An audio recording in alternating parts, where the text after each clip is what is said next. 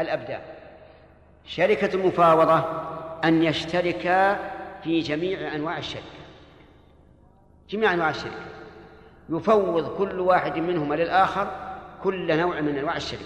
مضاربة عنان أبدان وجوه. عامة وهذه عليها عمل كثير من الناس اليوم. أكثر الشركات اليوم على هذا. تجد الشركاء مثلا كل واحد منهم يبيع بمؤجل ويضارب ويسافر بالمال ويقرض المال يعني كل شيء. هذه اختلف فيها العلماء الفقهاء رحمهم الله. فمنهم من أجازها ومنهم من منعها. أما من منعها فقال إننا لو أجزنا هذه الشركة. هذه الشركة واسعة. واسعة لا تمكن الإحاطة بها. فهي مفاوضة قد تؤدي إلى الفوضى.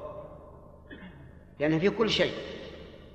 يعني أحدهما آه، ضارب والثاني شارك في بدن والثالث شارك في وجوه والرابع شارك في في عنان. يقول ما في مانع. كل أنواع الشركة تدخل في هذا العقد عقد المفاوضة.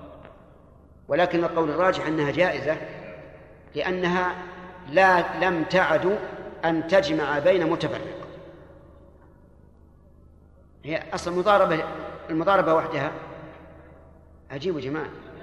والعنان وحده والوجوه والأبدان.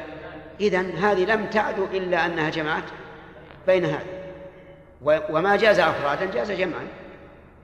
فالصواب هو ما ذهب إليه الحنابلة رحمهم الله أنها جائزة والحاجة تدعو إليها وعمل الناس اليوم على هذا. كثير من الشركاء التجار الكبار شركتهم مفاوضة. تجد أحدهم مثلا في المدينة والثاني في مكة هذا يعطي مضاربة ويعطي قرضا وربما أيضا يتبرع أحيانا في الشيء الذي ليس ليس بكبير وأخوه يجيزه فالصواب أنها جائزة ولذلك يقول المؤلف أن يفوض كل منهما إلى صاحبه كل تصرف مالي أو بدني من أنواع الشركة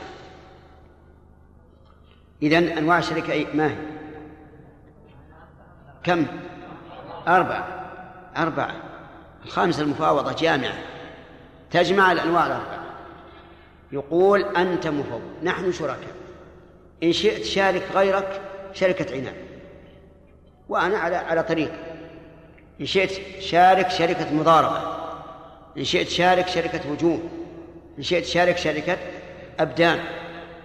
لكن المفاوضة بيننا وكذلك زميل صاحبه يقول يعمل مثل عمل فالمهم أن شركة المفاوضة يا أخوان جامعة لجميع أنواع الشركة والعلماء مختلفون فيها فمنهم من منعها لكثرة الغرر والفوضى فيها ومنهم من أجازها وقال إنها لا تعدو أن تكون جمعا لأفراد.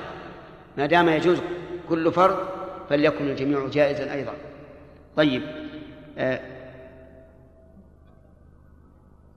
آه والرب قوله من أنواع الشركة. ما هي أنواع الشركة؟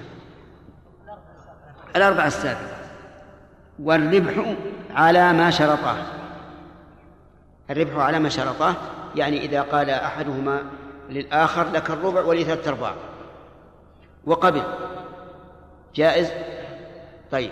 ثلثان وثلث؟ نصف؟ طيب. إذا قال قائل كيف تجعلون الربح على ما شرطاه؟ والمال قد يختلف. قلنا لأن الربح مبناه على إيش؟ على العمل والحذق. وقد يكون أحدهما أحذق من الآخر وأقوى عملا. بل ربما يكون عند الناس أيضا أوثق. لذلك تجد مثلا إنسان يجي يعرض عليك سلعة. يقول لي قيمتها بعشرة. تتردد. هل قيمتها عشرة أو لا؟ تتردد. يجيك إنسان تعرف أنه دلال حاذق عارف بالأسعار. يقول لك قيمة 12 تتردد أو لا؟ أو لا؟ ليش؟ لأنك تعرف أن هذا حاذق ويعرف الأسعار. وذاك ليس حاذقا ولا يعرف الأسعار. تخشى أنه قال بعشرة ولا لا تساوي إلا ثمانية.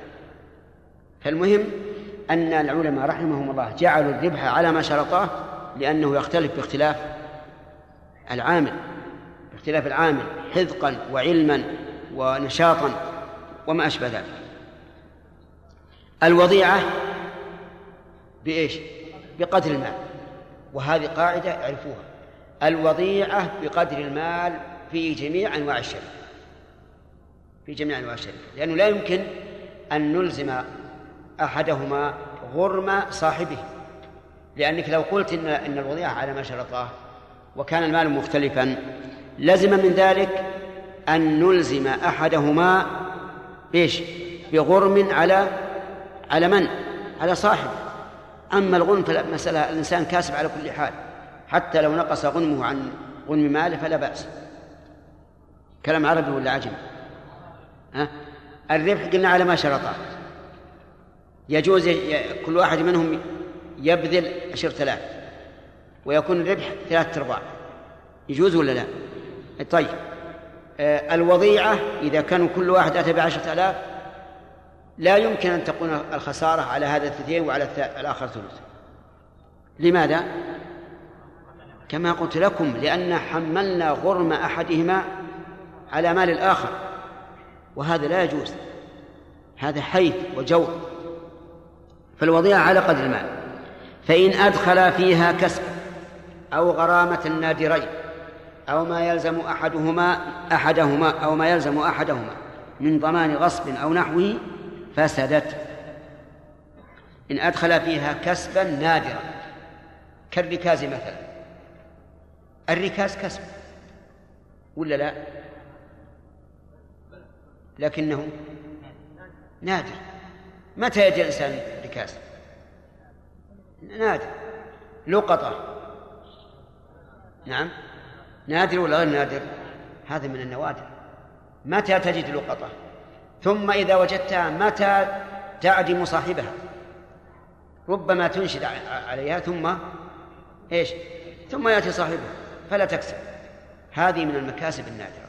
إذا أدخل في هذه الشركة المفاوضة قال حتى ما نجده من لقطة وما نطلع عليه من ركاز. فهو بيننا. نعم؟ غير صحيح. ركاز. ركاز أو لقطة. فهو فهو داخل في الشركة. يقول المؤلف الشركة لا تصح. ليش؟ لأنهما أدخلا فيها كسبا نادرا. طيب كذلك أيضا كسبا نادرا أو غرامة نادرين. الغرامة النادرة كالغصب مثلا. لا تأتي. الغرامة النادرة كالجناية. الجناية. إنسان جنى على شخص خطأ ولزمته ديته ما ما جنى. هذه وش حكم على من؟ على الجاني. لكن لو أدخلاها في ضمن الشركة لم يصح لأن هذا شيء نادر. أما خسارة المال أو ربح المال فهو ضمن الشركة. لأنه ليس بنادر. طيب لو أدخل فيها ميراثا أحدهما مات قريبه وكسب من ورائه ألف مليون ريال. نعم؟ وقال دخل بالشركة. يدخل أو لا يدخل؟ ليش؟ هذا من النادر. ولا علاقة له أيضا بعمل الشريك. طيب الهبة؟ الهبة. قال ترى ما ما ما ما يهب لك ترى داخل في الشركة. هذا نادر يقول ما يصح. يفسد الشركة. لكن لو قال قائل النوادر قسمان. قسم لا أثر للإنسان فيه. فهذا نعم لا يدخل في الشركة. كالميراث. قسم آخر من عمل الإنسان كالهبة مثلا. الهبة لو شاء الإنسان لم لم لم يقبلها. فإذا قبلها صار هذا نوعا من الكسب. وكونه نادر نادرا لا يمنع أن يدخل في الشركة. إذا كانوا يقول أنا أنا راضي أنه إذا وهبت لي هبة أن أن أدخلها في الشركة. أنا راض بهذا. يقولون الفقهاء لا لأن هذا فيه نوع جهالة وغرر. إذ أنه ليس شيئا مضطردا معروفا. هذا شيء إيش؟ نادر. كيف يدخل في الشركة؟ ولكني أقول إذا قال الكاسب الذي كسب النادر سواء بفعله أو بغير فعله إذا قال أنا بدخل في الشركة وأجعله تبرعا مني لصاحبي. نعم نقول يجوز لكن هذا متى يجوز؟ لا في عقد الشركة يجوز إذا وقع. إذا وقع لا بأس. ما نردك. أن تتبرع لأخيك. لكن تجعله في ضمن العقد؟ لا. فإذا قال أنا راضي في ضمن العقد أجعله. قلنا ربما ترضى اليوم ولكن إذا جاءت الدرهمات نعم ما رضيت فتندم. لهذا نقول الشركة تكون فاسدة. إذا أدخل فيها كسبا نادرا أو غرامة نادرا كالدية مثلا. أو ما يلزم أحدهما من ضمان غصب. والله مشكلة هذه. قال شوف نحن شركاء شركاء مفاوضة. لكن ما لزم أحدنا من ضمان غصب فهو على الشركة. قال طيب ما في مانع. اتفق على هذا. يقول مؤلف الآن الشركة تكون فاسدة. وصدق رحمه الله. ما في شك. هذه الشركة تكون فاسدة. لأنه ربما يكون هذا الشريك يغير على الناس ويغصب أموالهم. ويقول الحمد لله. كما يقول بعض السفهاء أنا أبي آه، أسير سيرا جنونيا والدية موجودة في الطبلون في بعض السفهاء يقول كذا. سيارات. السيارات يقول الحمد لله الدين موجود فإذا قال هذا إذا أدخل في الشركة أن ما يلزم أحدهما من ضمان الغصب والإتلافات وما أشبهها فهو على الشركة تكون الشركة فاسدة لماذا؟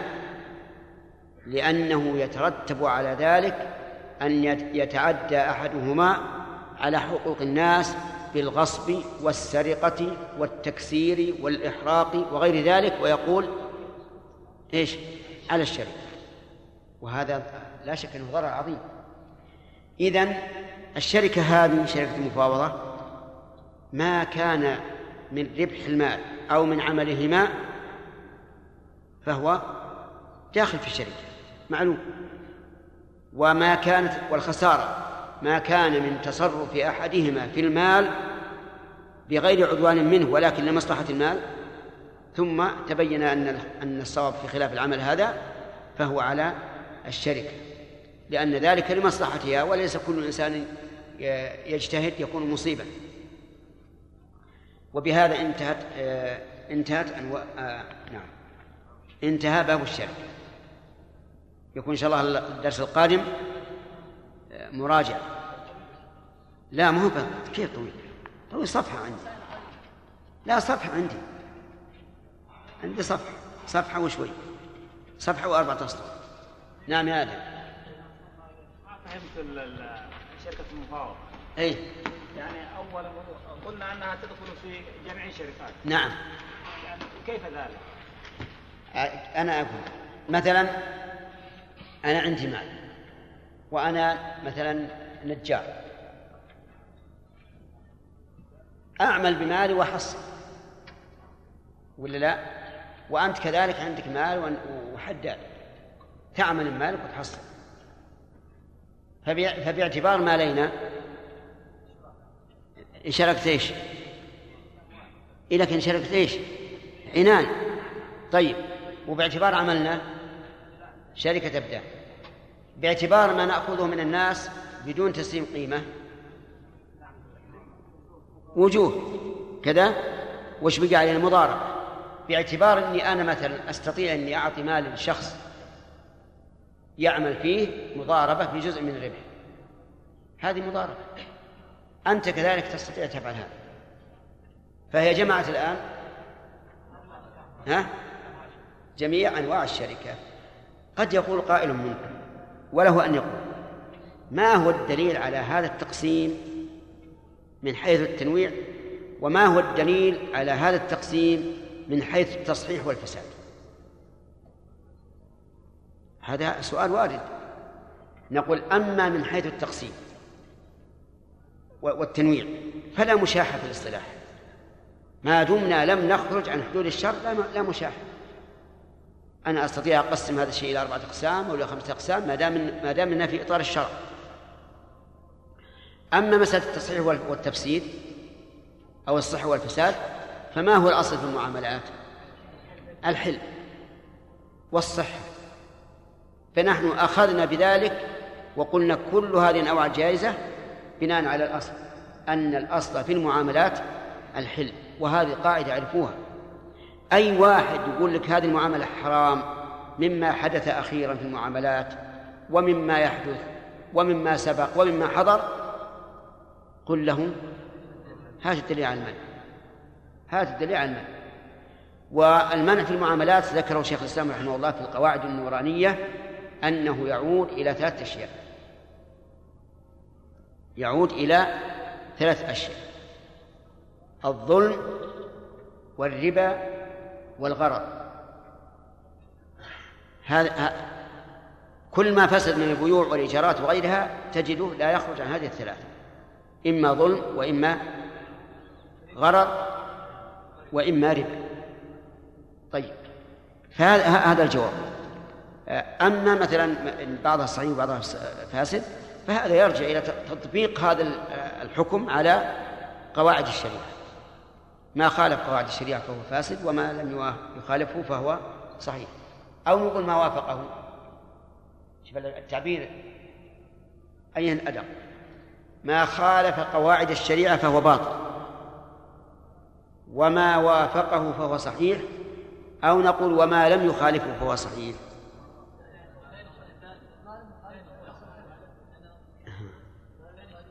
يلا أيها الفرسان. طيب ثلاث عبارات. ما خالف القواعد الشرعية فهو باطل. ما وافقه القواعد الشرعية فهو صحيح. كذا؟ ما لم يوافق فهو صحيح آه، فهو فاسد. ما خالف فهو فاسد ماذا نقول؟ نعم نقول ما لم يخالف فهو صحيح. فالصحيح من المعاملات هو ما لم يخالف الشريعة. هذا الصحيح. الله أكبر الله أكبر. وبعثه مقام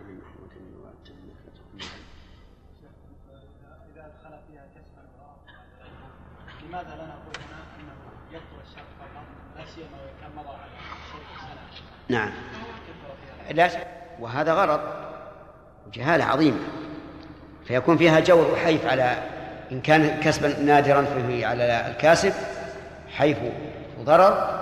وإن كان الغرامة النادرة فيه على الثاني. ما يصح. أصل الشركة ما صح ما صحت يقال كل واحد منكما له كسب ماله. وله إن كان قد عمل بمال صاحبه له أجرة.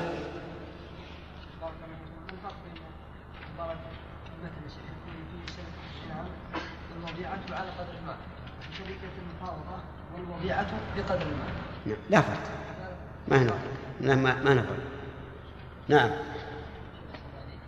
قلنا قاعدة أن الوضيعة تكون بقدر المال. رضي الثاني أن يكون الخسارة عليها. لسبب من الأسباب كأن يكون مثلا شريكها لا يقبل أن لا يقبل أن قلنا الذي لا يصح اشتراطه في العقد. لا بأس أن يتبرع به فيما بعد. ما في مانع ما ذكرنا هذا يا جماعة. ذكرناها الله بارك الله فيكم. قلنا هذا لا يدخل في الشروط وإذا حصلت خسارة فليتبرع بما شاء. كذلك قلنا الكسب النادر. لا يدخل في الشروط لكن إذا كسب أحدهما كسبا نادرا وقال بدخل في الشركة ونسامح فلا بأس. يعني فرق بين أن يكون شرطا في العقد وبين أن يتبرع به الإنسان بعد وقوعه. نعم. سمير. مات ما قبله احدهما يلزمه الثاني نعم. يلزم صاحبه فعله. نعم النجار وحداد ماتان إذا لم يقم مثلا النجار بعمله الحداد لا يستطيع أن يعمل مثل ما يعمله النجار. ما قلنا المسألة دي يا سمير؟ ذكرناها. ما ذكرناها؟ لا أنا مش سمير هذا يمكن سارح الظاهر. ما ذكرناها؟ ذكرناها. إذن هذا الجواب. نعم. إذا أنت مقلد الآن. اسألوا أهل الذكر إن كنتم لا تعلمون.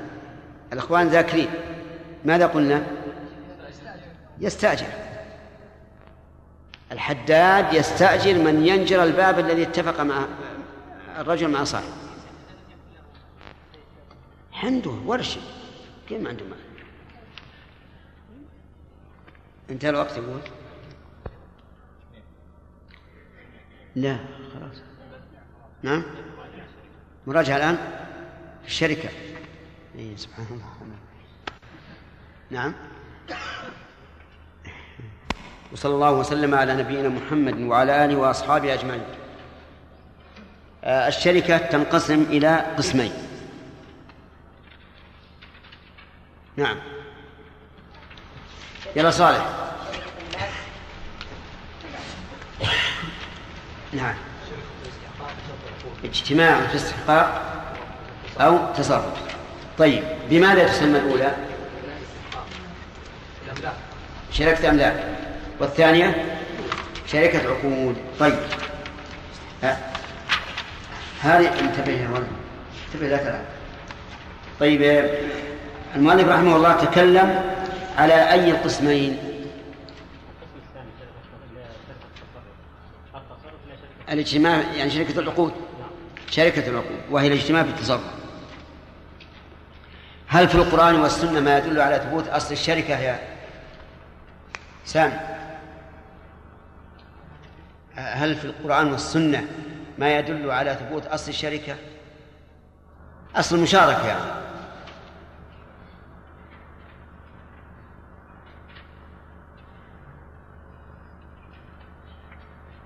من يعرف؟ نعم. نعم. هذا شركة؟ استحقاق. طيب. نعم. أي نعم.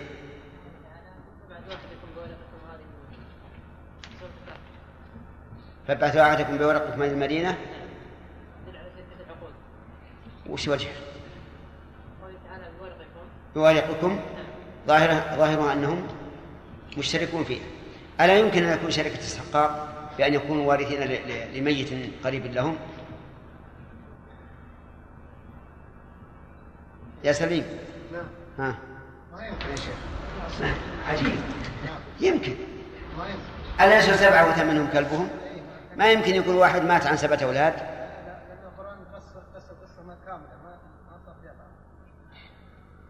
ما في معنى. يعني نرى أنه يمكن. نعم يا مسعود. إن كثيرا من الخلطاء يبغي بعضهم على بعض ولم ينكر مسألة المخالطة ألا يمكن أن يكون خلطاء في, في ملك؟ طيب. ضرب لكم مثلا من أنفسكم. هل لكم؟ من شركاء فيما رزقناكم فأنتم فيه سواء. وهذا إثبات لأصل الشركة العقود لأن الرقيق لا يمكن أن يشارك سيده في في استحقاق. طيب. آه، في السنة هل الشركة أصل بالسنة؟ عن عن عن السائب بن أبي السائب. كان شريك النبي صلى الله عليه وسلم قبل البعث. نعم. وغير؟ حديث ابن مسعود قال اشتركت أنا وعمار بن سعد في مسجد بدر يوم بدر مات سعد باسمعين ولم بشيء طيب. هذا. قال الله تعالى قوله تعالى أنا ثالث شريكين ما لم يكن أحدهما صاحبا طيب. إذا ثبتت الشركة أصلا في الكتاب والسنة هل أيضا تثبت بالنظر الصحيح؟ أي نعم. نعم. قل نعم تثبت بالنظر الصحيح. قل ها كيف ذلك؟ كلمة بالمصلحة. نعم. لأن الإنسان قد يكون عنده مال ولا يستطيع العمل فيستطيع فيحتاج للمضاربة وقد يكون ماله قليلا فيحتاج إلى من يشاركه شركة عنا- عنان يجمع المالان جميعا ثم يشترى بهم سلعة كبيرة. كذا؟ طيب. إيه، ما الفرق بين شركة الوجوه وشركة الأبدان؟ كمال شريك الابدان ان يعمل ببدنيهما نعم. شريك الوجوه أن يشتري بجاهيهما يعني أن يتجر بجاهيهما. فالف- فالفرق بين ال- الأبدان أنه ليس فيه مال. نعم. إنما في شركه الوجوه فيه مال. تمام. شركة الوجوه فيه مال لكن يأخذ يأخذانه من غيرهم. شركة الأبدان عمل يكتسبان به. طيب. هل تصح شركة الأبدان مع اختلاف الصنعة؟ أنت. ها. مثل. مثل أن يكون أحدهما نجارا والثاني حدادا.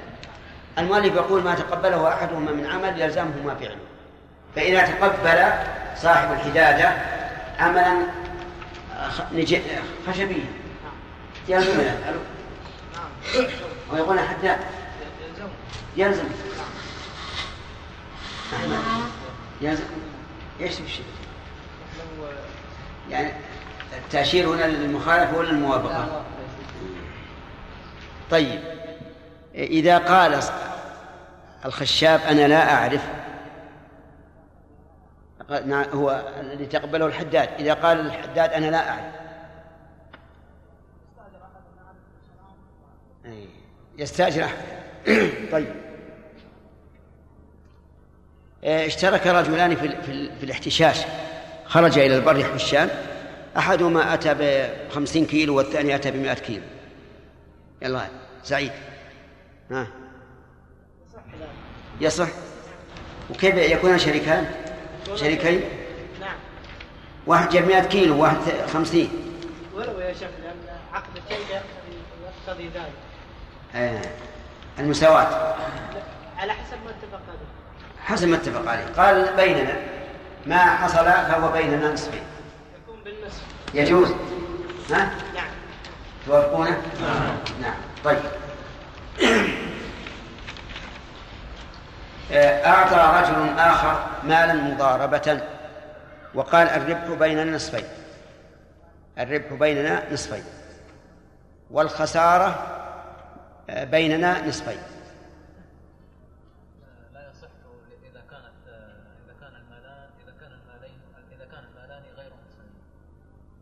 بارك الله فيك. مضاربة. أنا قلت مضاربة ولا لا؟ نعم. مضاربة. هو في مالين في المضاربة؟ مال واحد ولا لا؟ طيب.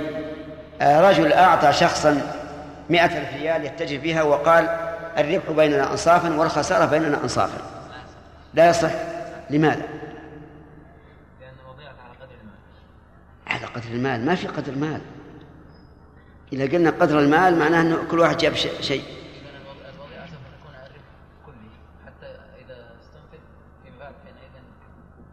الوضيعة إذا قيل وضيعة لابد يكون فيها نقص عن رأس المال عن أصل المال. إذا ذهب الربح كله والسوفي أو استغرق في الوضيعه طيب.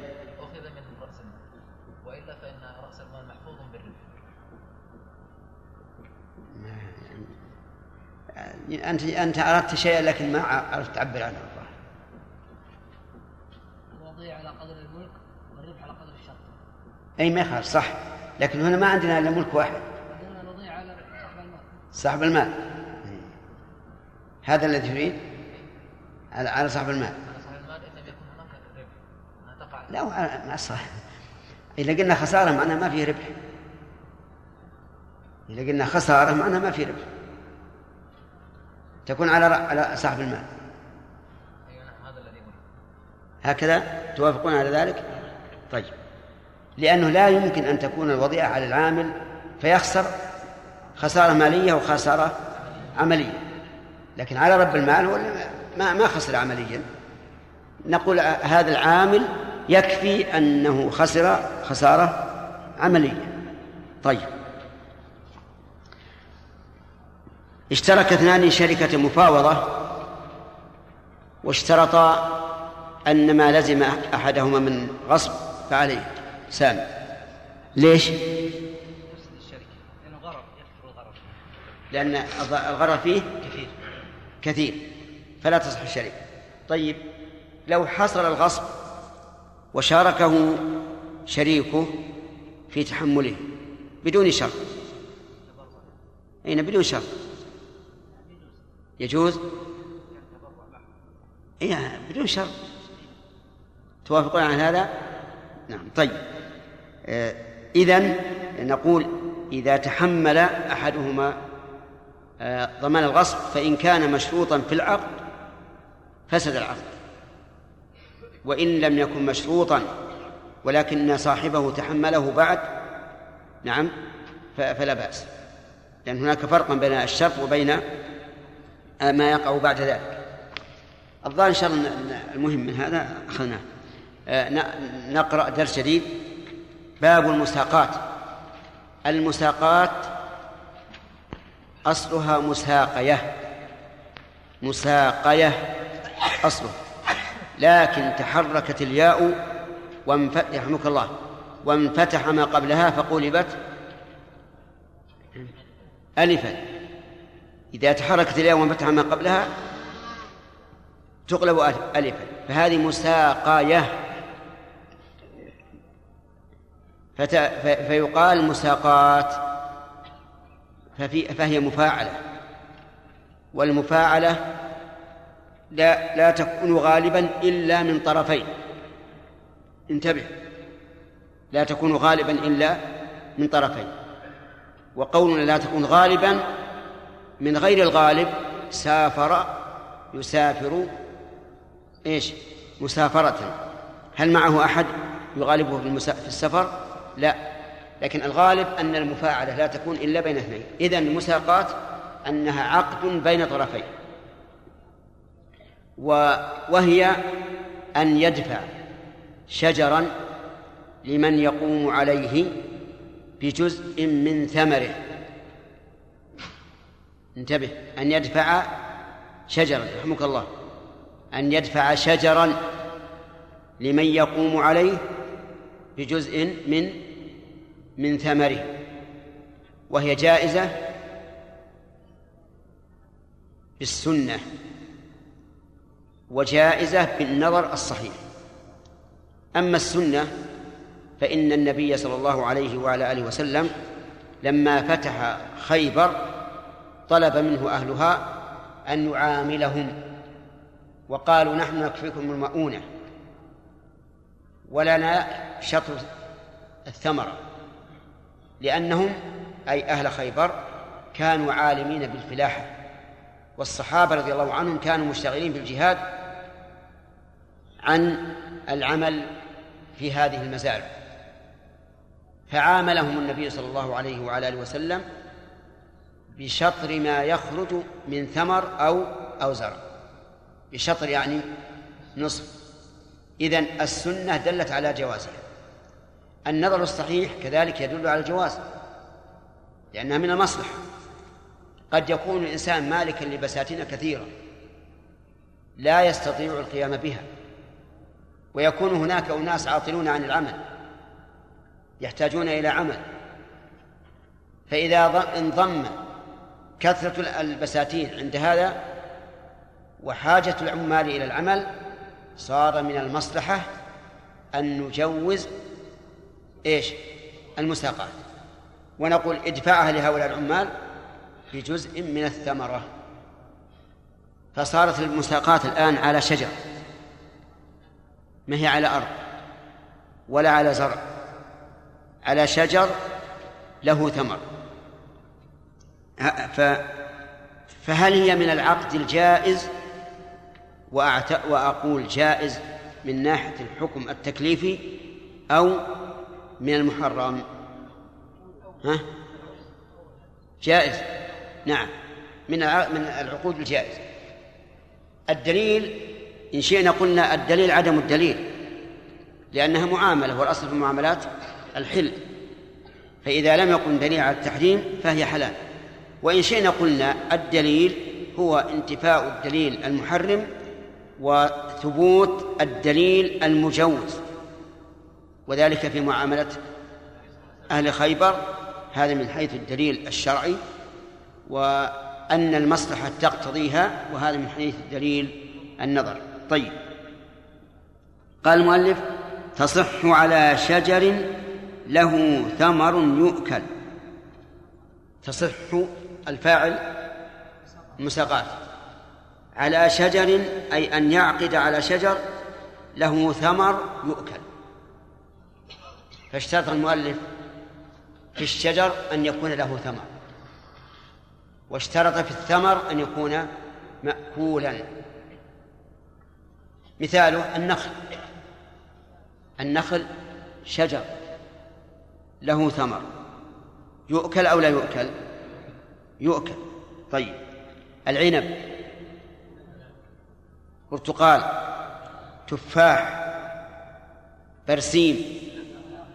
ليش برسيم؟ لا ليس شجرة. الشجر ما له ساق. هذه ما لها نعم. ما لها ساق. يعني لا ليس لها ساق. مع أن كلام الفقهاء في أن الشجر ما له ساق فيه نظر لأن الله أثبت الساق للزرع. في قوله تعالى كمثل غيث آه نعم. كزرع أخرج شطأه فآزره فاستغلظ فاستوى على سوقه. المهم أن الزرع لا يدخل في هذا لأنه ليس شجرة. طيب آه ساق وقولنا على له ثمر احترازا مما لا ثمر له. كشجر؟ إيش؟ الحنظل؟ آه السدر؟ له ثمر؟ طيب. الس... السرو. السرو. لا ليس له ثمر. نعم. السرو شجر كبير يرتفع وهو قوي أيضا تتخذ منه الأبواب لكن ليس له ثمر في شجر السرو له مثل له رواء وما له ثمر. طيب آه لا يصح لأنه لا ثمر له. الأثل الأثل الأثل له ثمر؟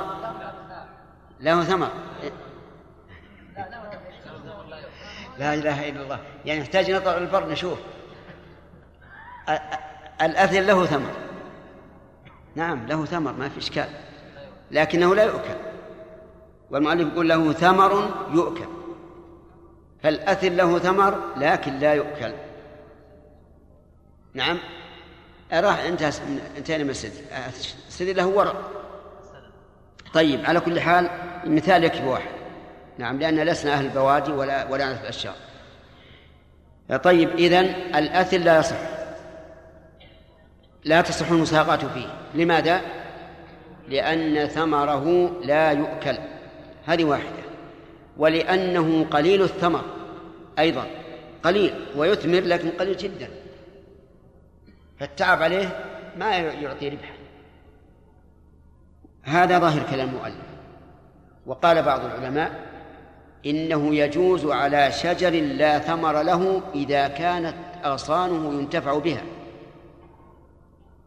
مثل أن يكون أغصانه تقطع وتجعل أبوابا صغارا مثلا أو ما أشبه ذلك أو سدر يمكن أن ينتفع بأوراقه. وهذا القول هو الصحيح. هذا القول هو الصحيح لأن فيه فائدة للطرفين. فما الفرق بين أن نقول أغصان تقطع وتباع وينتفع بها أو نقول ثمر يجذ ويؤكل؟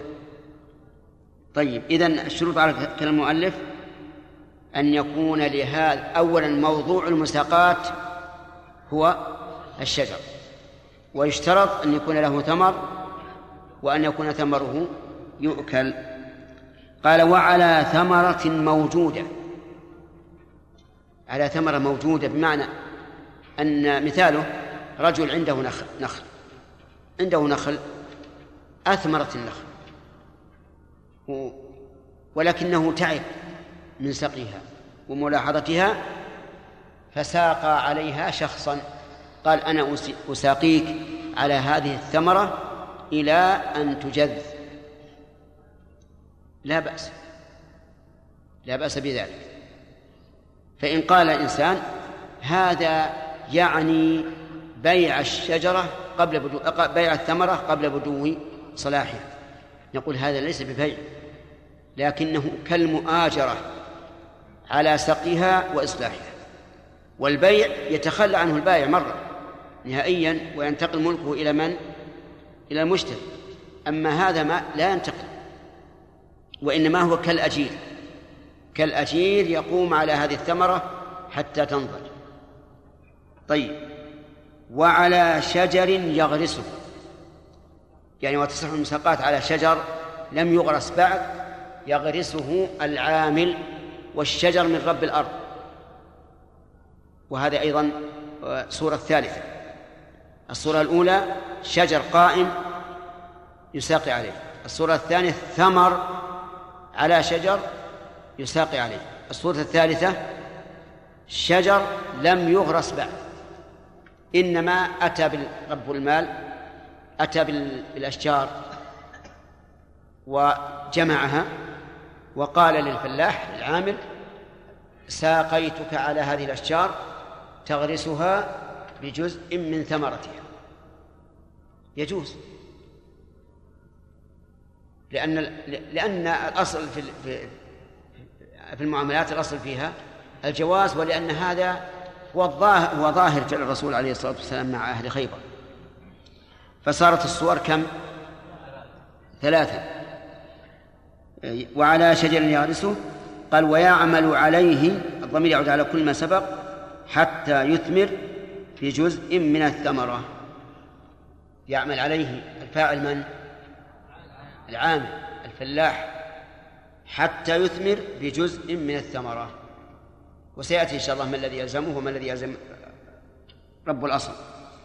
بجزء من الثمرة ويشترط أن يكون الجزء معلوما مشاعا وهذه مر علينا في أي مكان؟ في الشركة. لابد أن يكون جزءا مشاعا معلوما. مثل ربع نصف ثلث ثمن عشر حسب ما يتفقان عليه. طيب فإن كان غير معلوم بأن قال ساقيتك على هذا الشجر ببعض ثمره يجوز؟ لا يجوز. لماذا؟ مجهول. إلى أي شيء يرجعان؟ فهو مجهول. قال ساقيتك على هذا الشجر بمئة كيلو منه. مئة كيلو. لا يصح؟ ليش؟ لأنه غير مشاع. طيب. ساقيتك على هذا الشجر لك مقطران ولي مقطران. تعرفون المقاطر؟ الصف. صفين من النخل وصفين من النخل. يجوز؟ لا لأنه ليس مشاعا طيب ساقيتك على هذا النخل على أن ثمرة العام لك وثمرة الثاني لي. لا يجوز. لماذا؟ لأنه غرر الجهالة ويؤدي إلى النزاع. نعم. يقول رافع بن خديجة رضي الله عنه كان الناس يواجرون على عهد النبي صلى الله عليه وسلم على الماذيانات وأقبال الجداول وأشياء من الزرع يعني غير مشاع فيهلك هذا ويسلم هذا ويسلم هذا ويهلك هذا فلذلك زجر عنه النبي صلى الله عليه وسلم فأما شيء معلوم مضمون فلا بأس به. يريد بالشيء المعلوم المضمون ما هو؟ المشاع المعلوم. طيب. نعم. جاوبت السؤال؟ السندر. السند. بالطاء ما أعرف. هذا عندنا شيخ يثمر القرض و- والسمع ي- ي- اسمه ليش؟ قرض. للدباغ يعني. طيب. على كلام المؤلف ما يصح. لأنه لا يؤكل. أقول لا يؤكل على كلام المؤلف. لا بد أن يؤكل. على القول الثاني لا بأس أن يساقيه عليه بجزء من ثمره من ثمره من الصمغة ومن القرض. لا وكيف نقول جنتين جنتين طيب ذواتين أكل. نعم. طيب. ذوات أكل هل ينص على أن الأكل فيه ما يؤكل؟ ثم لو قدر أنه دان على هذا وقلنا بالعموم فإنه لا يلزم إذا أكله أولئك من الجوع أن يأكله غيره. نعم. إذا خسرت فإن تكون على رب رب المال شيخ ألسنا قررنا أن إذا خسرت الشركة فإنه يؤخذ من الربح قبل قسمته وتضبيطه نعم. ما لم تقسم الشركة فيذهب لأن الربح واقع لرأس المال نعم. الآن لو فرضنا أعط- أعطيته عشرة آلاف مضارب ثم خسر اشترى سلعة ولم يبيعها إلا بسبعة آلاف. هذا على رأس المال ما في ربح أصلا. طيب. على أصل المال. لكن لو كان في أصل المال آه، اشترى بها بضاعة عشرة آلاف ثم باعها بخمسة عشر خمسة عشر ألف. ثم اشترى سلعة أخرى بخمسة عشر ألفا ولم يبيعها إلا بثمانية. إيش يقول؟ طيب. لو قلنا إنها على رأس المال وعلى العامل قلنا الآن ثمانية عليك ألف ونص وعلى رب المال ألف ونص. والخمسة راحت شيخ صلى الله إليك إذا ساق إنسان عاملا على شجر آه، وفي آخر الع- على الربع. وفي آخر العام- إيش؟ على الربع مثلا. نعم. وفي آخر العام ما ما أثمر شيئا هذا الشجر. فهل يثبت لل... لل... للعامل أجرة المثل أو نصيب المثل أو لا يثبت له شيء؟ لا ما يثبت- لا لا يثبت له شيء. خسر العمل كله. نعم. مثل ما مثل المضاربة تماما. نعم. إذا ساق العامل على جزء معلوم من الكيل قال له ساقيك على هذا الشجر ب 100 كيلو. إذا فسد مساقاه ما يصح إجارة إيش؟ إذا فسدت هذه المساقات نعم. ما تصح على أنها إجارة ما مر علينا هذا. كل م... كل شركة فسدت فللعامل أجرة المثل. هذا قاعدة المذهب. والصحيح أن كل مشاركة فسدت فللعامل سهم المثل.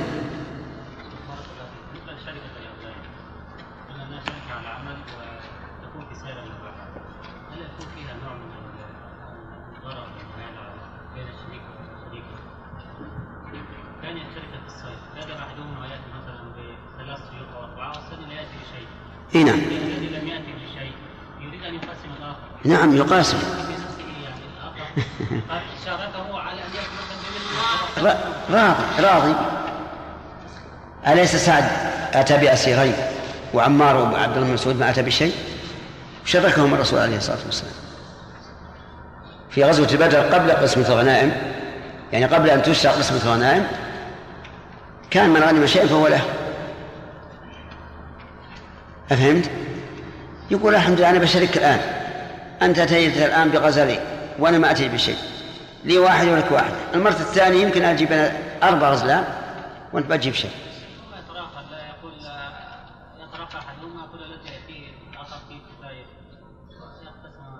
لا ما يصير. نعم. شيخ بالنسبة لقول الفقهاء أن المعاطاة لها ثلاث صور هل هذا يكون تجوزا؟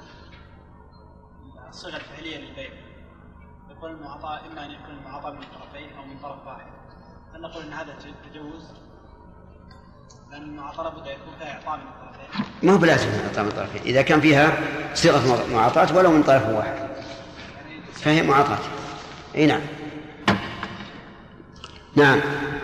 الله مساقات هل تكون على الثمر الصالح فقط؟ هناك بعض الثمر قد يبقى اعلاه وغيره كالباقي من البلح. أما على المذهب ما يصلح إلا الثمر اللي يؤكل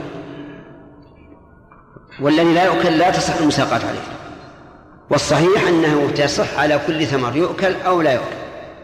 بل حتى الورق وحتى الأغصان اللي ينتفع بها تقوم مقام الثمر. شيخ لو ساق على هذه الثمرة فالثمر الناضج أو الطيب هذا بينهم لكن يبقى بعد ذلك الباقي وما يسمى بالرجيع. إيه. هل نعتبره داخل؟ اي يدخل يدخل يدخل. حتى العتق يدخل بهذا نعم. أي نعم. طيب. آه، مضاربة فسدت والرجل هذا عمل فيها خمسة أشهر. أجرة هذا الرجل بالشهر ألفين. كم يستحق؟ عشرة آلاف. سهم المثل لو لو قدرناه ما يساوي ألف. ما ليس له إلا ألف. أو ربما يساوي خمسة آلاف. نعطيه خمسة آلاف. يعني قد يزيد على الأجرة وقد ينقص. والصحيح أن له سهم المثل لأنه لم يدخل إلا على المشاركة.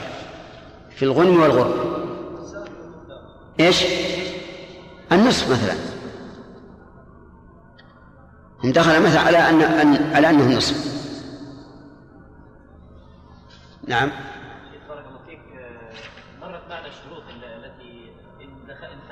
كان العقد فاسدا أو باطلا فلو أن المساقات تمت على شرط غير صحيح كما لو شرط شيئا معلوما نعم. آه، شيئا مجهولا. نعم. آه، وتمت المساقات ومضى حتى طلعت الثمرة آه، فهنا في هذه الحالة كيف نحكم بينهما؟ لكن القاعدة يا رجل. ما سمعت القاعدة؟ ماذا تقولون؟ المذهب وجهة المثل. قال قدر إنسان يعمل على هذا النخل كم أجرته في الشهر؟ ويعطى. والقول الثاني سهم المثل. أي نعم. بارك هنا يعني نعم. أنا كنت ناسي هذا الموضوع لكن هنا ثمر يعني هنا وضع 100 كيلو مثلا أو, أو طيب. 100 كيلو. يقال مثلا هذا هذا الرجل لو أن هذا آه، أعطي عاملا قالوا يقوم عليه بالخمس. نعطيه 20% الله أكبر. الله أكبر. في شركة المضاربة آه، يقول المؤلف ولا يقسم مع بقاء العقد إلا باتفاقهما. نعم. آه، فالطالب للقسمة إذا منع يعني قد يتضرر. فكيف يلزم يعني مع- اتفاق مع اتفاقهما معا؟ والثاني أيضا يتضرر الثاني سيتضرر ألا يعني ألا يوجه أن يقسم ليسدد حاجة الطالب. إذا كان بيضمن الضرر لصاحبه لا بأس. نعم. بالنسبة للزرع الذي يزرعه العام في في هذا الشجر مثل الخضروات والبرسيم والأشياء هذه. هل لصاحب الأرض له فيها ولا لا ليس له فيه شيء. هذه يكون مزارعة ستأتينا إن شاء الله. نقرأ أحسن الله إليك. قال رحمه الله نعم. تعالى. إيش؟ تصحيح؟ طيب أنت رقم ثمانية؟ خلاص اكتب.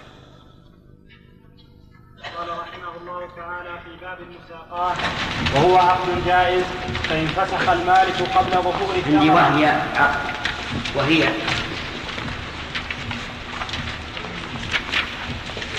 وهي عقد جائز. فإن فسخ المالك قبل ظهور الثمرة فللعامل الأجرة وإن فسخها هو فلا شيء له. ويلزم العامل كل ما فيه صلاح الثمرة من حرث وس- وسقي وجبال وتنقيح وتشميس وإصلاح موضعه وطرق الماء وحصاد ونحوه. وعلى رب المال ما يصلحه كسد حائط, كسد حائط وإجراء الأنهار والدو- والدولاب ونحوه. بسم الله الرحمن الرحيم. الحمد لله رب العالمين وصلى الله وسلم على نبينا محمد وعلى آله وأصحابه أجمعين. للمساقات صفتان.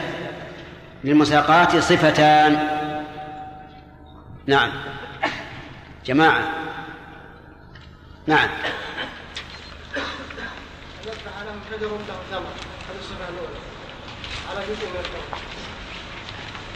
والثانية؟ الثاني يفتح له أرضا وشجرة. نعم. ويساقيه عليه بجزء من الثمر. كذا؟ صح. بارك الله فيك. آه، هل لها دليل من الشرع أو لا؟ نعم.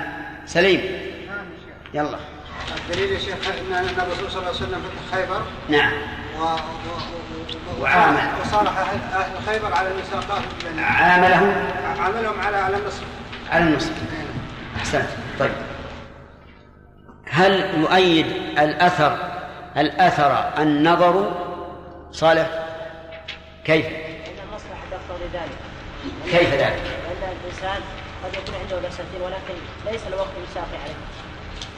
قد يكون عند الإنسان بساتين ولكن ليس في وسعه أن يقوم عليه. وقد يكون عمال عاطلون فيسلمه لهم فينتبه هؤلاء وهؤلاء إذن يعتبر هذا من محاسن الشريعة كذا طيب هل تصح المساقات في الأثل بجزء من منه يعني ما هو من أصله من, من مما يقطع منه لا مما يقطع منه كان كان ينتفع به مثل الاغصان فانها تصح. أي ما ينتفع تصح. يصح يعني وإن إن وإن وإن كان ثمرة ما لأن الشرط هذا ما شجر ما فيه ثمر اطلاقا لكن الناس يقطعونه يضعونه لأشياء خا- خاصة إما لسقوف ال- البيوت أو لغير ذلك المذهب لا يصح. المذهب لا يصح. نعم. الراجح انه يصح. يفعل. المذهب يصح والراجح أنه آه، المذهب لا يصح والراجح أنه يصح لأن آه، أغصانه هذه بمنزلة الثمر لأنه ينتفع بها مع بقاء أصله. طيب. آه، رجل ساق شخصا على شجر متنوع. يعني مثل نخل آه، برني عجوة آه، جنيب جمع سكري شقر وهكذا. وقال لك البرحي ولي الباقي. سامح. نعم. ليش؟ لأنه يشترط في جزء من الثمرة أن يكون مشاعا لأنه اشترط أن يكون في جزء مشاع وهذا بشيء معين طيب العلة. العلة أولا من الدليل. أنا أقول الحقيقة قبل. ما هو الدليل؟ على أن هذا لا يصح. نهي النبي صلى الله عليه وسلم. لأنه في المساقات نفسه.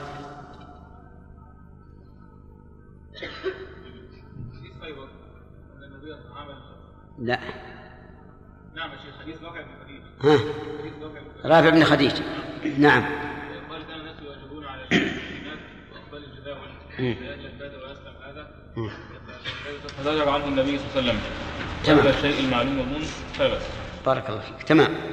آه النظر للجاري هذا من الأثر دين أنه لا يصح. النظر. إذا إنه ليس مشاعا التعليل بالحكم لا يفيد. إذا قلت لماذا كان جائزا؟ قلت والله لأنه جائز. يصلح التعليل؟ لا يصح أسألك. لا يصح ما يصح لأن النظر ليس فيه نهى النبي صلى الله عليه وسلم نهي النبي صلى الله عليه وسلم عليه لأن ليس فيه مصلحة. ويؤدي ذلك إلى التنازع. يعني جواب ركيب. سمير. أن فيه غرر وجهالة في غرر وجهالة كيف؟ لأنه غير إذا كان إذا كان غير مشاع. يغ- يعني يقود هذا إلى النزاع بينهم. إيه لكن غ... أنت قلت غرر وجهالة ما قلت لأنه يفضل النزاع. أي نعم. ها؟ كيف الغرر؟ لأنه إذا قال مثلا أعطيك مثلا مثلا البرحي. من بين الأصناف الأخرى. نعم. قد هذه الأشجار لا, لا, لا, لا تأتي بالثمر نعم إلا البحر أي نعم. وقد بال- بالتمر إلا البر أو لا؟ أي نعم. فيصير هذا خاسر أو أو وذلك رابح تمام. بارك الله فيك. نعم نحن ذكرنا قبل في أول الشركة أن الشركة مبناها على التساوي إيش؟ تساوي الشريكين في المغنم والمغنم هذا أصلها الذي لا بد منه. طيب آه ثم نبدأ الدرس الجديد الآن. قال المؤلف وهي عقد جائز. جائز باعتبار الحكم التكليفي أو باعتبار الحكم الوضعي. الثاني باعتبار الحكم الوضعي. لأن الجائز لأن الحكم التكليفي ما يترتب عليه الثواب والعقاب والحكم الوضعي ما يترتب عليه الصحة والفساد. فقولنا جائز في الحكم الوضعي يعني أنها من العقود التي يملك كل واحد من المتعاقدين فسخها بدون رضا الآخر. هذا معنى قولنا جائز. عكسه اللازم الذي لا يملك أحد من المتعاقدين فسخه إلا بسبب شرعي. انتبه هذا حكم إيش؟ وضعي ولا تكليف؟ هذا حكم وضعي. التكليفي أن أقول جائز أي لا إثم فيه. جائز يعني لا إثم فيه. وضده المحرم. وذاك ضده الجائز ضده اللازم. ضده اللازم. طيب على كل حال هي عقد جائز أي من العقود التي يملك فيها أحد المتعاقدين الفسخ بدون رضا إيش؟ الآخر بدون رضا الآخر ولهذا قال وهي عقد جائز فمالك الشجر لا يلزم الفلاح والفلاح لا يلزم آه، مالك الشجر لكن مو المشكل إذا كان هذا الفلاح قبض النخل في شهر محرم وتعب فيه وسقاه وسقاه وعمل فيه كل ما يكون سببا لنموه وظهور ثمره. ثم قال المالك أنا فسخت. مشكل. هل يضيع حق العامل؟ إن قلت نعم مشكل. وإن قلت لا أيضا مشكل. يعني فهل نقول الآن صار العقد لازما؟ بين المؤلف الحكم فقال فإن فسخ المالك قبل ظهور الثمرة فللعامل الأجرة. إذا لا يضيع حقه إذا فسخ المالك قبل ظهور الثمرة ولاحظوا أن الثمرة في المساقات هي المعقود هي المعقود عليه. أعطاه النخل مثل وقتنا الآن. وقتنا الآن الثمر قد جد والنخيل ليس فيها ثمرة. بعد مضي شهرين رأى المالك أن هذا العامل يضيع النخيل ولا يقوم باللازم ففسخ قال أنا فسخت المساقات. نقول لا بأس لكن العامل تعب في ملكك بإذنك. ولا لا؟ إذن له حق. فما الذي يفرض له؟ يقول المؤلف يقول المؤلف للعامل أجرة المثل. كم يعطى الرجل لو عمل على هذا البستان لمدة شهرين؟ قالوا يعطى في الشهر الواحد عشرة آلاف. نقول له عشرون ألف. كذا؟ قالوا يعطى كل شهر مئة. كم له؟ مئتين. ولو قال قائل إنه يعطى بالقسط من سهم المثل لكان له وجه. لأن العامل إن لم يعمل على أنه أجير. بل عمل على أنه شريك. فيقال مثلا لو أن العامل أكمل نصيبه فمعروف أن أن أنه قد جعل له سهم. الآن مضى من المدة مثلا شهران من من ثمانية. كم يستحق؟ ربع السهم الذي اتفق مع صاحب الملك عليه؟ قد يكون أكثر من الأجرة وقد يكون أقل. قد يكون أكثر من الأجرة وقد يكون أقل. فعلى كل حال لو قيل بأنه يعطى بالقسط من السهم الذي شرط له لكان قولا له له وجه. طيب. وإن فسخها الضمير يعود على من؟ على العامل فلا شيء له. هذا متى؟ قبل ظهور الثمرة. إن فسخها أي فسخ المساقات العامل فلا شيء له. لكن صاحب النخل. نقول لصاحب النخل ليس لك شيء. لأن هذا الرجل عمل على إصلاح ملكك مجانا. أليس كذلك؟ أنت معي ولا؟ طيب. هو عمل عمل على إصلاح ملكه لمدة شهرين. نحن على المثال الأول. عمل على إصلاح ملكه لمدة شهرين. فإذا خدمك بدون شيء. ليس على العامل شيء. العامل ليس له وليس عليه. كذا سعيد؟ طيب. لو لو قال قائل هذا قد يكون ضررا على المالك مثل أن يكون من عادة الناس أنه في في وقت الجداد يكون إقبال العمال على أخذ البساتين المساقات. والآن ما في نشاط. الآن كل عامل له أخذ فلاح ومشى. ما في نشاط.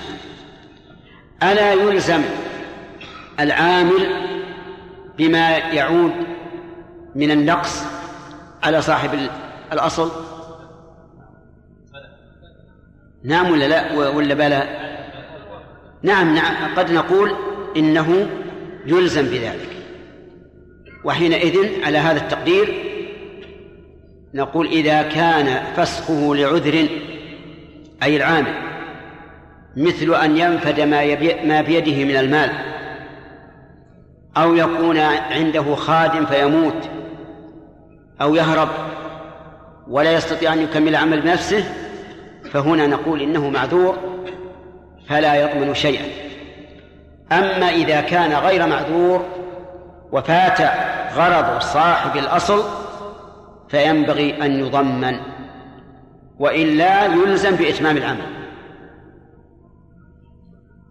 ما يقول لا طيب. إذا كان الفسخ بعد ظهور الثمرة إحنا كلامنا هذا كله على ما قبل الثمرة. بعد ظهور الثمرة لا يملك مالك الأصل أن يفسخ. ما يمكن. لا بد أن يكمل والعامل أيضا يلزم بإتمام العمل. يعني تكون لازمة بعد ظهور الثمرة. لأن العامل أصبح الآن إيش؟ شريكا في الثمرة. أصبح شريكا في الثمرة. ولا يمكن لرب الأصل أن أن يطرده. وصاحب الأصل أيضا لا لا يمكن العامل من من من الفسخ إلا إذا رضي أن يفسخ مجانا فلا بأس. يعني لو قال العامل والله أنا تعبت صحيح أن الآن ثمرة بدت لكن أنا تعبت ما أستطيع. فله ذلك بشرط إيش؟ بشرط أن يتنازل عن حقه ويقول أنا لا أريد شيئا. فصار قبل ظهور الثمرة كما عرفت. إن فسخ المالك لزمه. أتمه. على كمال المؤلف كلام المؤلف. لازمه وجهة المثل. وعلى قولنا يلزمه قسط السهم الذي عامل عليه. المالك إذا فسخ قبل ظهور الثمرة نعم قصدي العامل إذا فسخ قبل ظهور الثمرة فلا شيء له. إذا فسخ العامل قبل ظهور الثمرة فلا شيء له. واضح؟ لأن هو الذي رضي لنفسه. وإذا فسخ المالك فقد عرفتم ما يجب عليه. ولكن هل يضمن للمالك ذكرنا أنه إيش؟ إن فسخ لعذر فلا شيء عليه. وإن فسخ مضارة فينبغي أن يضمن. بعد الثمرة بعد ظهور الثمرة المالك لا يملك أن يفسخ. العامل يملك أن يفسخ بشرط إيش؟ أن يتنازل عن حقه لأنه في هذه الحال لم يزد صاحب الأصل إلا إلا خير. طيب ثم بدأ المؤلف يبين ما يلزم العامل وما يلزم المالك. قال ويلزم العامل حرك العامل. العامل عامل فاعل. العامل فاعل. مفعول به؟ نعم مفعول بمقدم. ويلزم العامل كل ما فيه صلاح الثمرة من حرث وسقي وزبار وتلقيح وتشميس وإصلاح موضعه وطرق الماء وحصاد, وحصاد ونحوه. نعم. يلزم العامل كل ما فيه يلزم العامل كل ما فيه صلاح الثمرة. أما ما فيه بقاء الأصل فعلى المالك كما سيأتي. من حرث. حرث إيش؟ حرث الأرض. وسقي سقي الشجر. وزبار الزبار هو قطع الأغصان الرديئة. لأنك تعلمون أن الشجر يعني غير النخل النخيل معروف. وربما يكون في النخيل أيضا عصبان رديئة يابسة. هذه على من؟ على العامل ماذا يسمى في اصطلاح الفلاحين عندنا الآن؟ قطع الأغصان الرديئة تقليم. إيش؟ تقليل ها؟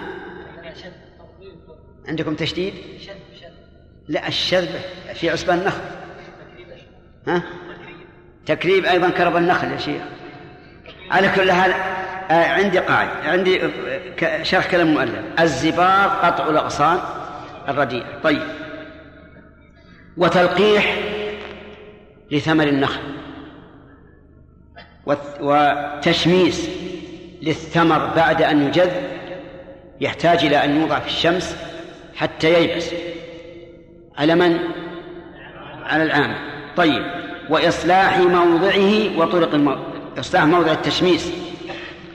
فيما فيما سبق من الزمن يجعلون موضعا للتشميس يعني أرض واسعة ويضربونها مثلا بحصى يصفونه ويجعلون فيه الجص عشان لأجل أن يكون نقيا فيبس عليه الثمر.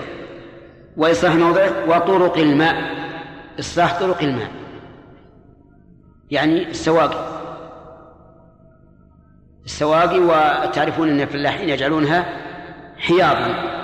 طيب وحصاد ونحوه.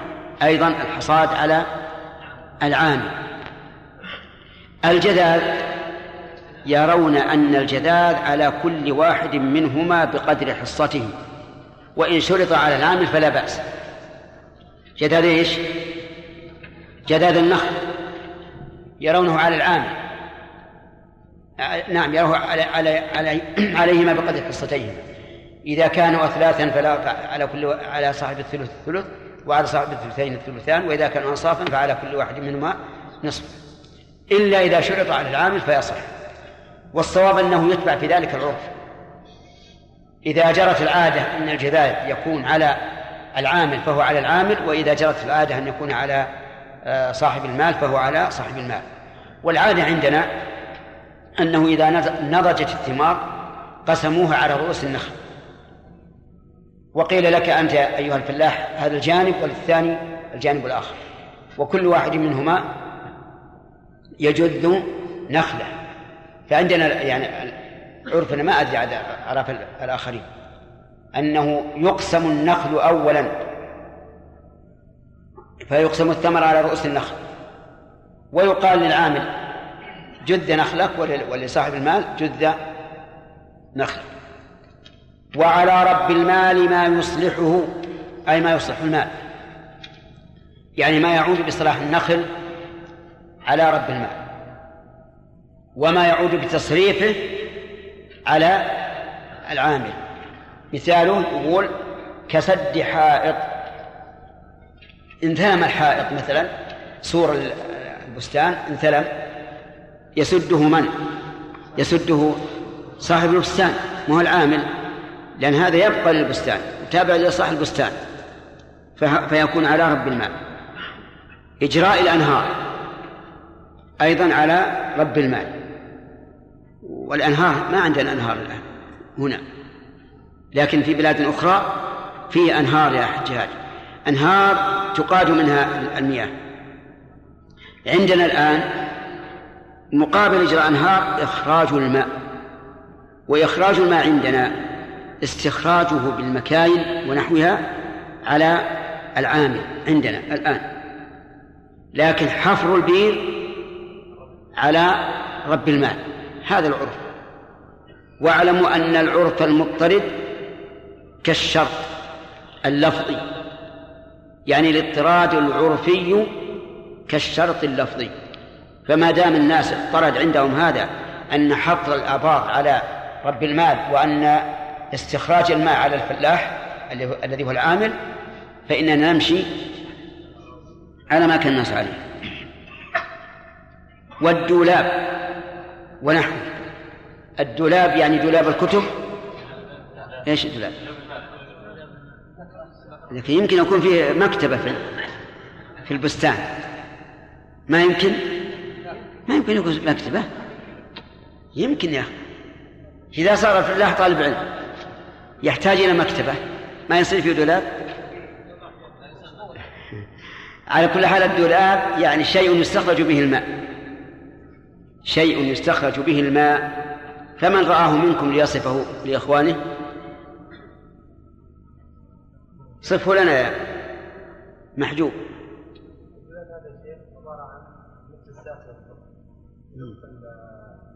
عبارة عن معاكس بترس آخر.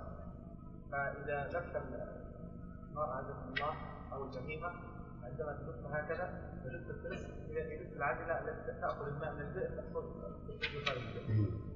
العجلة الترس عكس الثاني ترس واحد نعم نعم. هكذا ترس عاكس.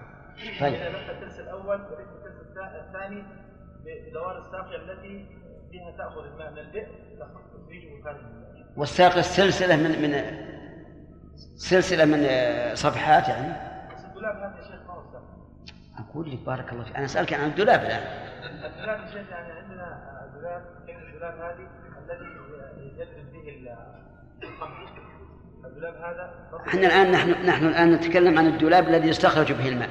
هو الساق اي وشلون ما بعيد لنا فهمنا عجلتين فيه أتراس واحدة هكذا عرضا واحدة هكذا طولا.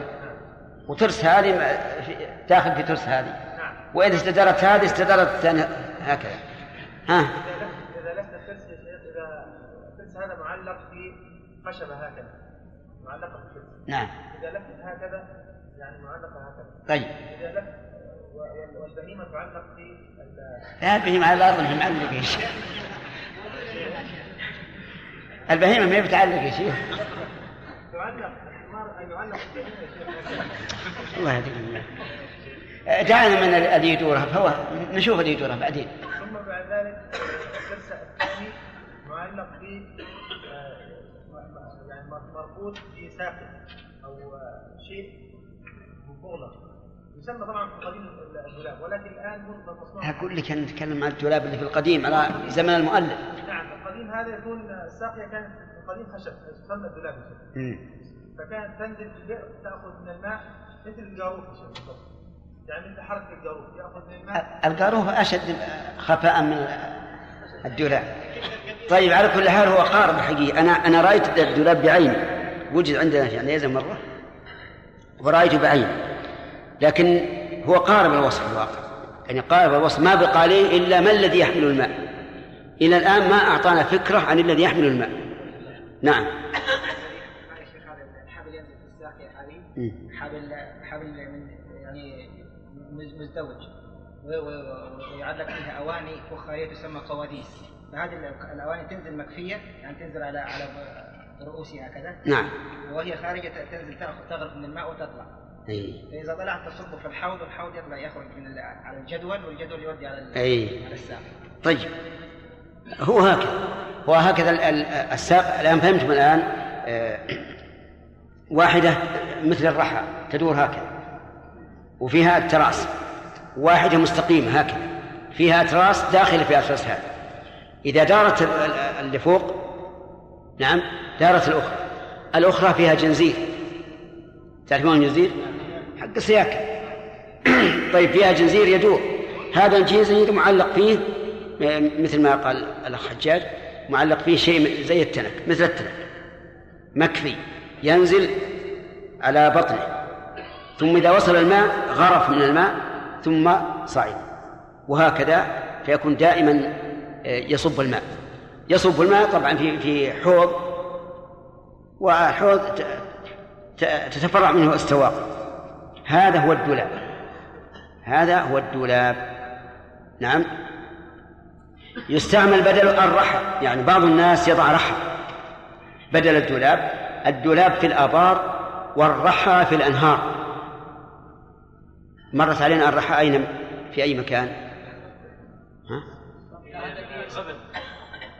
مرت في باب الخيار خيار التدريس حيث قال المؤلف جمع ماء الرحى وإرساله عند عرضه. الرحى على النهار اللي تمشي. يضعون آه، مثل ما قال الأخ آه، محجوب يضعون عجلة كبيرة فيها أتراس. وهذه الأتراس تخرج الماء من من النهر. تخرجه لأن فيها ريش تدور. كل ما دارت أخرجت ماء كل ما دارت أخرجت ماء. بعضهم إذا أراد أن يبيع يحجز الماء. ثم عند إرادة البيع يطلقه. فيكون اندفاعه قويا جدا. وإذا قوي اندفاعه قوي دوران الرحاء فقوي خروج الماء. هذا من التدليس كتصرية اللبن في ضرب بهيمة النعام على كل حال إذن الدولاب على من؟ على صاحب الأصل في المساقات. على صاحب الأصل.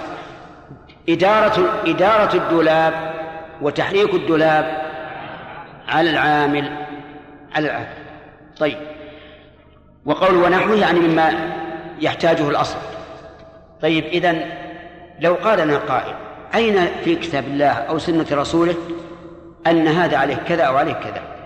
نقول المرجع في ذلك إلى العرف على القاعدة المعروفة وكل ما أتى ولم يحدد بالشرع كالحرز فبالعرف احتري. طيب فإذا كان العرف مضطردا فبها ونحن وهذا المطلوب ونمشي على ما جرى عليه العرف. وإذا لم يكن مضطردا وجب على كل منهما أن يبين للآخر ما عليه وما له حتى لا يقع نزاع. لأنكم تعرفون أن المتعاقدين عند أول الدخول في العقد يكون كل واحد منهما مشفقا وربما ينسى أو يتناسى بعض الشروط ويقول هيا سهل الله. لكن نقول هذا لا يجوز. لا بد أن يكون الشيء إيش؟ واضحا بينا لأنه ربما يحدث نزاع ثم لا نستطيع أن نؤلف بين الطرفين. انتهى الباب. هل نأخذ لا نأخذ الفصل الثاني؟ إن شاء الله وناخذ مراجعة بعدين. نعم. إيش؟ الفرق بين الجذاذ والحصاد. اي الفرق بين الحصاد والجذاذ. الحصاد للزرع والجزاذ للشجر. فهمت؟ النخل والذرة. طيب. نعم. قلنا بأن المالك إذا. فسخ قبل ظهور الثمرة إذا إذا فسخ قبل ظهور الثمرة فإن للعامل نصيبه من السهم المثلي لا مو من السهم المثلي نصيب قسطه من السهم الذي شرط له. من السهم الذي شرط له نعم. الآن وفي المسألة الثانية رعينا حق المالك لأنه لا, لا يمكن له أن يفسخ إن تضرر المالك أي نعم. نعم. في هذه الصورة الأولى قد يتضرر العامل أيضا لفوات الموسم لأنه في قد انفسخ المالك قد لا يجد من هذا العامل قد لا يجد العامل من يساقيه. إيه، هذه أيضا ربما نحملها على ما ذكرنا أنه إذا لم يكن عذر للمالك يضمن نعم. بارك الله فيكم. إذا فسخ العامل المساقاة لعذر ولم يكن على المالك ضرر فهل له أن يأخذ أجرة المثل أو ثمن المثل؟ إي نعم نعم. إي نعم. نعم. يلا حسن. شيخ آه، الحين في المكاين بالعرف أنها على المالك المزرعة. مكان تنزل تطلع الماء من البيت. نعم. لكن الديزل هل يكون على المزرعة ولا على, على صاحب المزرعة. على صاحب المزرعه على العامل ولا المزارع؟ لا المزارع. على صاحب المزرعة. إي نعم. المزارع. العامل اي نعم العامل عفى الله عنك قلنا بان الجداد يتبع يتبع في ذلك العرف. كان على رب المال فيكون على المذهب لا المذهب أنه عليهما بقدر حصتين لكن الشيخ خرج الحاشيه اثابه الله. نعم. يقول الجداد جزم به الوليد وغيره ونصره الموفق وغيره. نعم. ما اتضح يا شيخ لأنه ما ذكر شيء بالنسبة للجداد و... يمكنها حاشة على غير الروض. ما قبل الشيء ولا بعد الشيء؟ واصلاح وإصلاح طرق مع حصاد ونحوه. هذا يقول كله على العام الحاشي يقول بجداد كجداد كجداد نعم. جزم به في الوديس وغيره ونصر الموفق. أحسنت. يعني الموفق ومن تابعه. آه، نصروا أن الجداد على العام. على العام كالحصاد. المذهب عليهما بقدر حصتيهم والصحيح أنه يطبع في ذلك العرف نعم.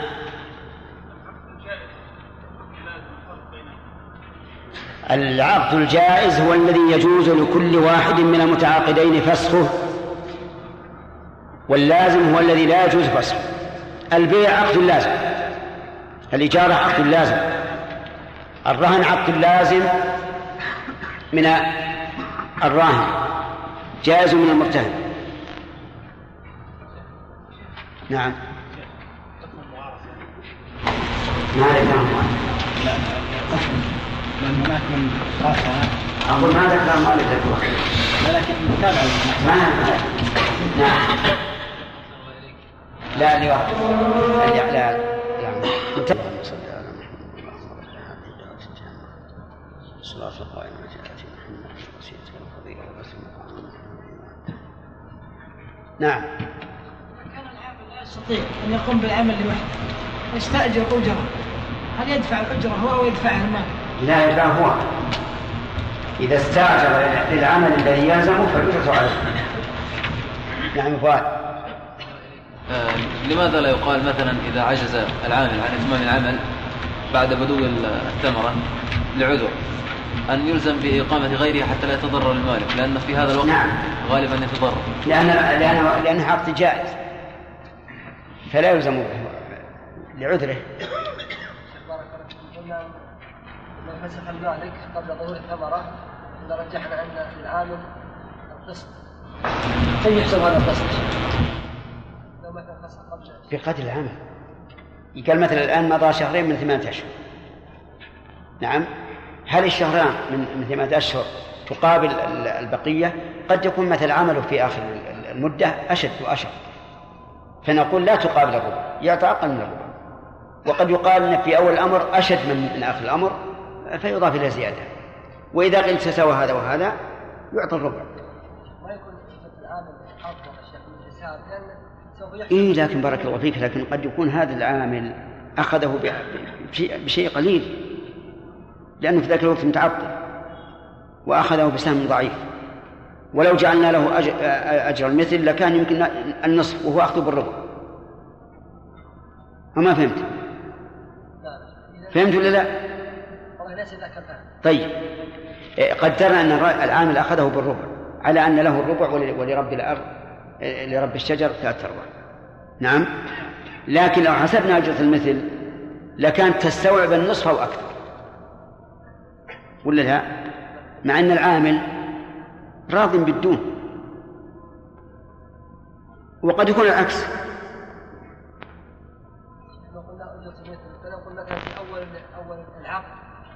ما في ما في العمل كثير. فيعطي مثلا قليل لكن لو آخر ما يخالف هي, هي لا شك أنها تختلف حتى المثل تختلف الأجرة في فيما إذا اشتد الحر واحتاج المكان إلى سقي كثير وعمل كثير ما مثل الأول.